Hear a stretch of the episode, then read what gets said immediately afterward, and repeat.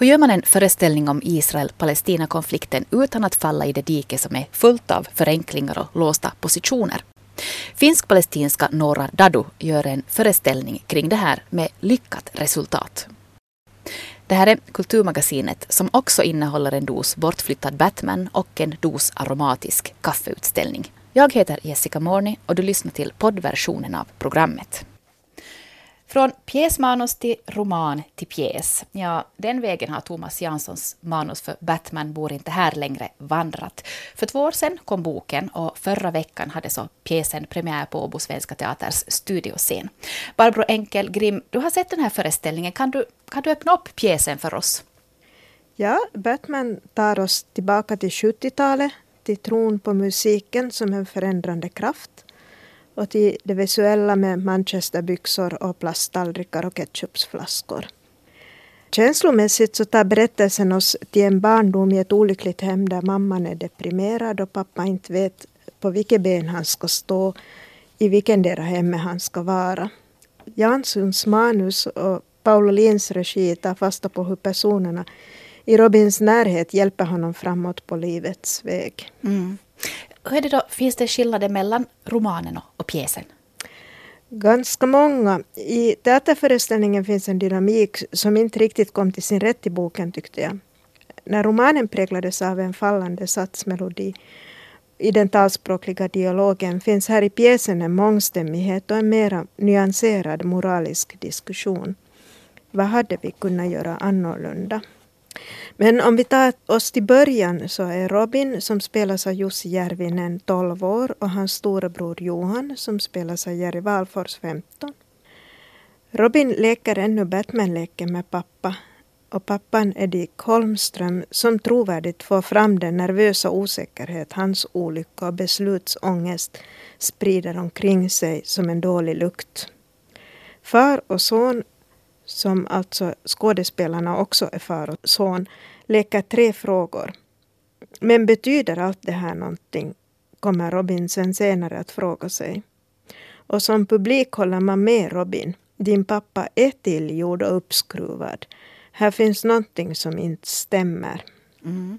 Det är då far och son-relationen, men hur är det med mamman då?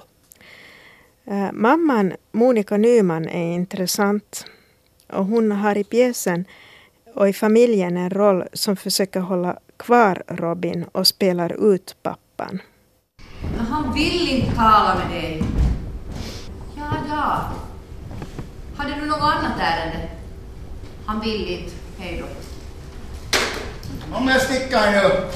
Robin, skulle vi kunna göra någonting tillsammans ikväll fast titta på TV?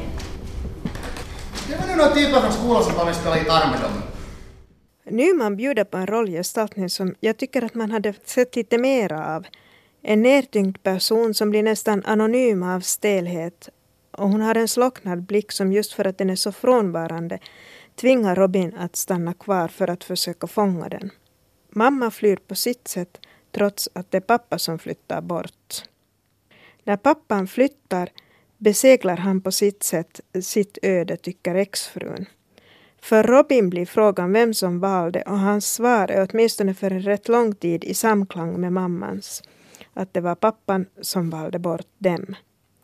Sen kommer sommarkompisen Johanna, en farkoklädd Julia Korander, en tuff pojkflicka som verkligen hjälper Robin.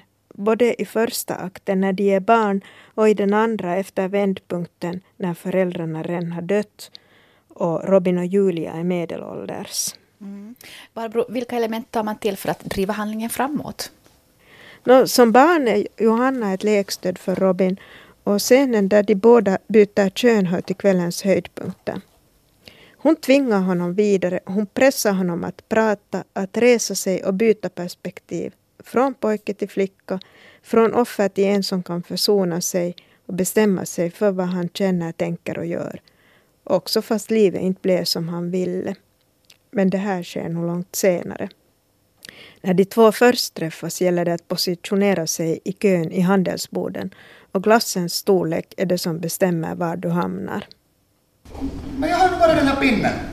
Det är principen. Vadå principen? Att pojkar alltid tror att de kan gå först. Okej, köp dina 100 liter mjölk och 50 kilo grönsaker då. Dina principer kan vänta i fem sekunder. Skulle du ens ha jättis? Men en sån löjpinne måste nog vänta. Sen i andra akten är somt sig likt och annat har ändrats. Robin får också ställa om sig och inse att han inte bara är lillebror utan också storebror. Han kommer att tacka Johanna för det stöd hon har varit för honom men hon är tillräckligt generös för att påpeka att hjälpen varit ömsesidig. Den som hjälper blir också hjälpt. Johan, storebror, å sin sida påpekar att man inte vet vad som var hönan och vad som var ägget i familjen när familjen löstes upp. Var det pappa som stack för att mamma blev knasig eller var det mamma som blev knasig för att pappa lämnade dem? Mm. Finns det någonting i uppsättningen som, som du skulle säga inte fungerar då? Lite funderar jag på regin att den kunde ha varit ännu tajtare och tydligare lyft fram vad som händer mellan personerna. Hur en del konstellationer som den mellan mamman och pappan är destruktiva medan Johan och Johanna lyfter och hjälper Robin. Hur det här kunde ha gestaltats med större dramatisk skruv och tydligare orsak-verkan. Barnperspektivet, Robins berättarperspektiv, gör att det som har hänt i äktenskapet inte syns utåt. Så finns här ett tillskott i pjäsen som inte finns i boken och det är Främlingen. Han är inte berättare och absolut ingen domare, men ändå en slags gudsgestalt som kan ställa en del frågor som i boken ställdes i breven från pappan. I slutsekvensen serverar han några absurditeter av Henry Parland och han är med om att förlösa försoningen. Vi hade antagligen inte kunnat handla annorlunda. Jag förstod att du har kommit för att ta avsked av din far. Jag vill, jag vill inte prata om det. Du vet, det är först när man stannar upp som man kan börja tänka på vad som kunde ha gjorts annorlunda. Och då, då, då svider det i hjärtat och växer det knutar. Alltså så snackar du om? Man ska väl inte sluta tala om sin far bara för att han är död. Främlingen kan alltså säga sånt som andra inte kan. Och cirkeln sluts. Tack till dig Barbro Enkel Grimm. Och det var Åbo. Vi ska strax fortsätta med Helsingforsscenen. och då är det Bengt Alfors Gå på vatten och en pjäs om Palestina som vi ska prata om bland annat. Att samlas och umgås kring en kaffekopp, ja, det har ju folk gjort ända sedan den där heta drycken blev vanlig i vårt land. Och vi gör det så gärna att vi toppar världsstatistiken för kaffekonsumtion. På senare år har ni säkert märkt att intresset för kaffe har vuxit. Och bjuds du på kaffe idag så kan det hända att du får någon helt annan version än bryggkaffe. På Tikkanojas konsthem i Vasa har man hakat på den här kaffetrenden och visar nu en utställning om kaffekultur. Vi ska träffa TF Amanuens Magdalena Lindros. Kaffe är ju ändå alltid den här aromatiska doften som kommer och, den är varm. Att sen har det ju liksom varierat lite, att vad man har satt i det här kaffet och sen hur man har druckit det. Mm. Till exempel kanske det är många som kommer ihåg att någon mommo eller fammo har druckit från, från fatet och sörplat genom en, en sockerbit. Uh, det gjorde man länge, det ansågs till och med fint att man skulle göra det och det var, blev till och med så vanligt på 1700-talet att man ansåg att sådana som drack direkt ur koppen gjorde sig lite märkvärdiga. Och sen efter kriget då så, så ändrade det att, att då började man anse att det här att dricka från fatet är ganska gammalmodigt och lite så här ociviliserat. Jag gick här och sniffade när jag kom in men jag kände inte riktigt någon kaffedoft. Jag vet inte om det är för tidigt på dagen så ni inte har satt på kaffe eller? Precis, men om man går här förbi den här hyllan här i museishoppen så kan man nog faktiskt känna en härlig kaffearom. Ja. Vi har alltså gjort ett uh, specialkaffe just för den här utställningen och det är då ett konjaksmakande kaffe som då Tikanoja lär ha tyckt om just den smaken. Det doftar faktiskt underbart. Mm. Här har vi till exempel Matti Annalas verk. Vi har en värdinna som ligger i sängen då ser ganska trött ut men så har hon sin kaffekopp där bredvid. Det var faktiskt så att kaffe äh, ansågs att vara en medicin först när, den, mm. när, mhm. när man tog den hit till Norden. Det hjälpte då mot sömnlöshet och ifall man hade ätit en stor måltid så var det bra att dricka lite kaffe efteråt. Och, och också mot baksmälla så var också kaffe bra.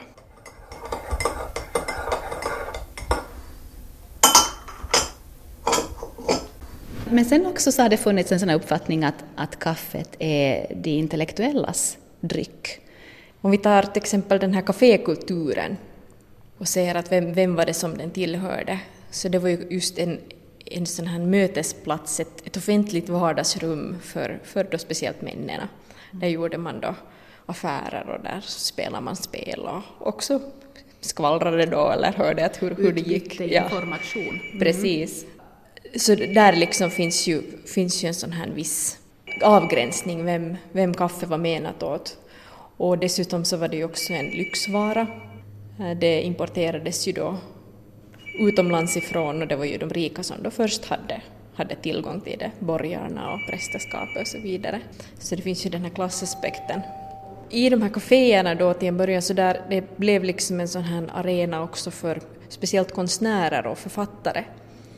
Den här kafékulturen där man då satt och avnjöt kaffe och funderade kring livets stora frågor och plågor så är då starkt knuten just till, till exempel det här 1800-tals konstnärslivet i Paris. Mm, så de drack inte bara absint och, och vin?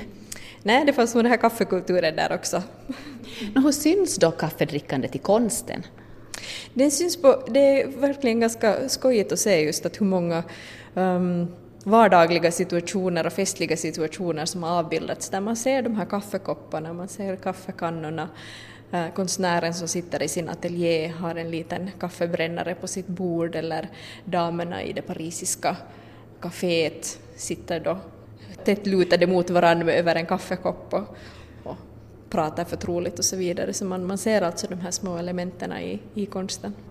Samtidskonsten då? Finns det utrymme för kaffe där? Jo, det finns det också eftersom kaffe är en väldigt så här, stor del av den finländska identiteten. Det är väldigt uh, knutet till, uh, till både arbetslivet, vi har våra pauser, lagstadgade mm. kaffepauser. Och det är också, man säger att man går på kaffe med vän men så kanske båda går och dricker en kopp te men att det finns ett uttryck att man går på kaffe. Och det är också det första man bjuder när, när man får besök så frågar man kanske att vill, vill du ha en kopp kaffe? Så i nutidskonsten så där finns ju också det här vanliga livet med så att säga så, så absolut så finns det ju med där också. Här har vi Viktor Westerholm bland annat, ateljéstämning från 1883. Och där sitter det konstnären själv kanske eller mm, typ någon. Han har nog en sån här lite konstnärlig baske på, mössa på, pipan och Helsingfors Dagblad. Och var är kaffekoppen? Där är kaffekoppen. Ja, ja och så har vi också en kaffe, kaffebrännare där, mm. eller en sån som håller kaffe varmt. Precis. den här är en ganska så speciell manik. Den här våningen är kanske här som de flesta nostalgiska minnen börjar komma fram och, och diskussioner väcks om att man, ja det här minns eller det här, det här kommer jag ihåg att ha funnits här och där olika kulturhistoriska föremål som kaffepaket, kaffereklamer, kvarnar, kaffekannor och, och pannor. Och... Många av de här är ju för gamla för att man själv ska... Nej men där kommer lite 70-tals kaffepannor, mm. gula med grön dekor.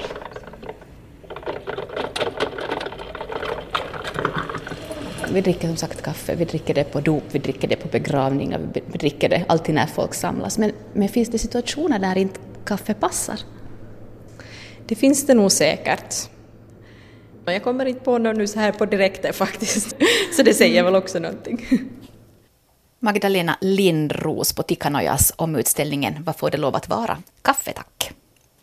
Så har det blivit dags att spana in nyheterna också på teaterscenerna i Helsingfors. Kristel Pettersson, du kommer med tre nya produktioner i bagaget. Ja, och tre inbördes mycket olika produktioner. Jag har sett Bengt Dahlfors gå på vatten på Lilla Teatern, några Dadus Minun Palestinan i mitt Palestina på Takomo och Lauri Maijalas Daniel Harms adaption Sattumia, tillfälligheter på kom. Och om man nu vill hitta någon gemensam nämnare så är det väl att de allesammans fokuserar på brännbara och aktuella frågor inom såväl kyrka och samhälle som världspolitik. Mm.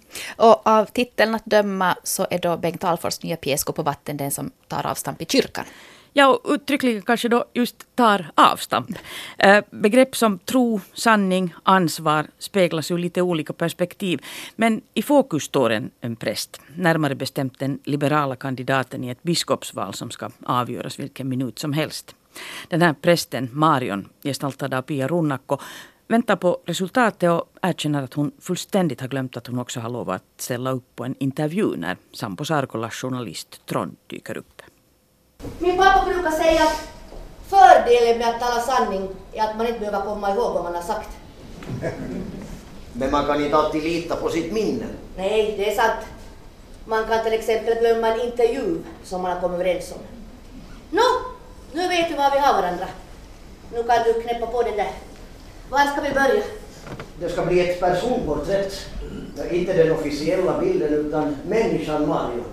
Bra! Det tycker jag om. Ställ de svåra frågorna. Vill du det? Och svåra blir de ju frågorna, men inte på det sätt som Marion har tänkt sig. Och även om hon inte inser det fattar vi publiken förstås också omedelbart att journalisten Trond har ett personligt skäl till det här mötet. Vi kan till och med ana oss till vilket så fort en av de inledande replikerna om alla skriftskoleadepter man omöjligtvis kan minnas har fällts. Mm. Den här Pjäsen kallas ju en psykologisk thriller. Vad säger du om det? No, thriller låter lite som ett marknadsföringstrick men visst finns här en snara som dras åt i det samtal som utspelar sig kring biskopskandidaten Marions personliga hållning till den tro som hon förkunnar och det ansvar hon bär. Det är ett samtal som rätt långt faktiskt ekar av Valfors tidigare kritik mot folkkyrkans lite ängsliga balansgång mellan bokstavstrogen och allegorisk bibeltolkning. Men det här resonemanget det stannar nog på samma ytliga och lite småraljanta nivå som i hans bok om jag var präst och andra historier för några år sedan. Så ärligt talat, det känns inte alltför engagerande. Men ännu besvärligare blir uppsättningen nog när den egentliga anledningen till Tronds besök bokstaveras ut. Eh, att det handlar om ett sexuellt övergrepp med Marion som förövare det kommer ju inte som någon överraskning precis. Det här är en ganska programmatisk konstruktion. Men Istället för att fokusera på varför Marion själv då har förträngt det här minnet av händelsen så är det som om författaren plötsligt tappar allt intresse för den här diskussionen om makt, ansvar och sanning till förmån för en ja, faktiskt i det närmaste lysten redogörelse för varje detalj i det här händelseförloppet. Och i den stunden så är det nog inte rollgestalten Trond som har min medkänsla utan skådespelaren Sampo Sarkola. Mm. Eh, och det är inte den enda gången under kvällen. Det här är en genomkonstruerad text som försöker förena allt från kaosteori till bibeltolkning, själavårdarens etik kontra journalistens, minnets bedräglighet, självbedrägeriets makt, tro, sanning, ansvar. Och det ställer skådespelarna på oerhörda prov. Och det lite genomskinliga spänningselementet gör inte den här uppgiften lättare. Så att en liten sovring bland alla stickspår som flimrar förbi hade nog knappast skadat. Uh, här finns en hel del tematiska beröringspunkter med Juha Jokelas Fundamentalisten. Men i motsats till den pjäsen så tycker jag att den här nog inte riktigt lyckas engagera också publiken i diskussionen. Mm. Nå, om Gå på vatten inte känns äh, relevant, hur är det då med Minun Palestinani av och med Nora Dadu på Takomo? No, det är för mig veckans stora behållning. En uppsättning som jag verkligen hoppas att nå så många och så olika åskådare som möjligt. Både med tanke på ämne och det sätt som Nora Dadu har valt att tackla det på. För hur gör man en föreställning om Israel-Palestina-konflikten utan att hemfalla åt förenklingar och låsta positioner? Det är många som har avrått henne på vägen.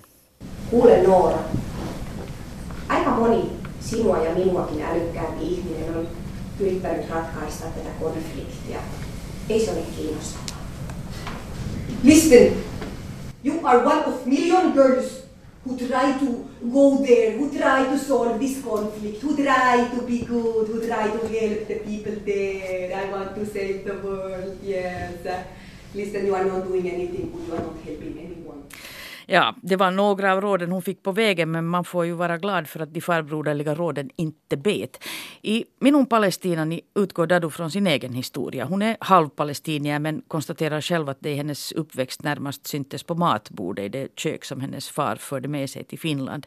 Identitetsspörsmålet föddes långt senare och med det också ett engagemang som efterhand har fått en allt mer analytisk form. Eh, Dadu är väldigt tydlig i sin kritik av den israeliska ockupationspolitiken, det strukturella våldet, lidandet, vardagens absurditeter men också av hatretoriken på bägge fronterna. Demagogin och förenklingarna lyser genomgående med sin frånvaro i den här föreställningen. Eh, och hon skildrar med humor och ironisk distans sin egen utvecklingsprocess. Från ett nymornat engagemang till ett betydligt mer analytiskt men också mer mångbottnat och svårare förhållningssätt. Också i synen på sin egen identitet. Samtidigt som hon lite försåtligt slänger in ett par iakttagelser också om hur onyanserat debatten förs hos oss i den mån någon alls engagerar sig. Eh, Ida-Maria Heinonen medverkar till exempel i föreställningen i ett par iscensatta sekvenser, bland annat som programledare i en fiktiv tv-intervju. Ett slags Dadus mardröm där hon utan att be om det får sig tilldelad rollen som palestinier med stort P och skyldighet att agera från en försvarsposition som taleskvinna för hela arabvärlden ungefär. Och den piken drabbar nog, jag måste säga som journalist, att upplägget är väldigt igenkännbart. Och I en inledande videosekvens så gör hon också själv en enkät bland vänner och kollegor där hon ber dem formulera sina egna frågor. Och en av dem lyder Varför ska jag intressera mig för Israel-Palestina-konflikten? Jag tycker att den här föreställningen ger många svar på den frågan och erbjuder till och med en lösning. Men det sorgliga är förstås att den är alltför förnuftig och rationell för att lyckas inom överskådlig tid. Du nämnde här i början att, att alla veckans premiärer på något sätt tangerar samhället. hur stämmer det då med den sista, Komteaterns uppsättning av Daniel Harms texter, den här ryska absurdistens texter? Ja, är inte samhället absurt? Men jag kan förstå frågan för att Daniel Harms var ju en märklig fågel i den ryska litteraturen. Han var en av de ledande krafterna inom Oberio på 20-talet. Det var en tvärkonstnärlig förening som eh, verkar för det man kallar den verkliga konsten fri från politiska och konstnärliga begränsningar. Och det gick ju förstås sen lite illa i det dåtida Sovjet. De fick lägga ner sin verksamhet. Men under några vitala år hann den här föreningen förverkliga en del av sina målsättningar med avantgardistiska programaftnar med hög överraskningsfaktor. Eh, I Harms små berättelser så härskar det oberäkneliga. I lakonisk ton redogör han för folk som dör för att de får en gurka i huvudet och gummor som trillar från fönster som snöflingor i mars. Våld är rikligt och fullständigt irrationellt och enkla vardagshändelser spårar ut i oförklarligheter. Men i det absurda är det förstås också frestande att läsa in hans egen angst över det samhällsklimat han levde i. Och i Lauri Maijalas uppsättning på KOM så är det framförallt den dimensionen som lyfts fram. Men nu i relation till vår egen tid och vårt eget samhälle. Eh, hur har det lyckats då det här att, att dramatisera den här formen av texter? No, de här små episoderna de spelas upp till takten av könummer av det slag som finns i alla väntsalar och en musik som kunde vara hämtad ur 70-talets sketchparad Ilkamat på tv ungefär. Och Majala förvandlar den här paraden till ett illgrin där Medborgarna en för en trillar utanför skyddsnäten, ut genom fönster, ner i centralgropen, klubbade i huvudet. Det finns många i världen som är där de inte borde vara, skriver Harms på tal om professorsänkan som hamnar på dårhuset vid helt sunda vätskor. Och av dem finns det många också i den här uppsättningen där exploatering, likgiltighet och förakt härskar. Minä olen aika hyvä juoksentelemaan. Minun mielestäni sinä olet paska. Minä olen taiteilija. Minun mielestäni sinä olet paska. Minä olen säveltäjä. Minun mielestäni sinä olet paska. Asa! Minä olen kirjailija. Minun mielestäni sinä olet paska. Neljä kuvaa siitä, miten ihminen ällistyy kuullessaan yllättäen aivan uudenlaisen ajatuksen. Ja, det här är en bitter och gräll uppsättning som till en början faktiskt förbryllar mig. Det lakoniska tonfallet hos Harms skymtar bara bitvis fram. Och jag kan tänka mig att, att den delar publiken. Jag har hört väldigt kritiska kommentarer men också människor som har tyckt att den är kungligt rolig. Eh, jag håller inte med någon dera egentligen. Den är verkligen inte rolig men den drabbar. Med samma klubb eller gurkslag som våld i Harms historia. Majala är bättre på det groteska och frodiga än på det lakoniska men det tycker jag att de här texterna tål. Och samhällsbilden som växer fram är inte vacker. Tack ska du ha, Kristel. Vi ska nu fortsätta med Kulturmagasinets granskning av våra partiers kulturpolitiska program. Och Kristel, du har gjort den första av dagens två intervjuer. Vem har du träffat? Eh, jag har träffat Thomas Wallgren som representerar Socialdemokraterna. Vilken kulturverksamhet vill ditt parti satsa på? Socialdemokraterna fortsätter på sin långa linje där folkbildningen är, är centrum. Det är bibliotek, det är arbets, det är, eh, det är folkhögskolor. Och det är grundplåten för det att vi kan utplåna den här motsättningen mellan folkkultur och elitkultur.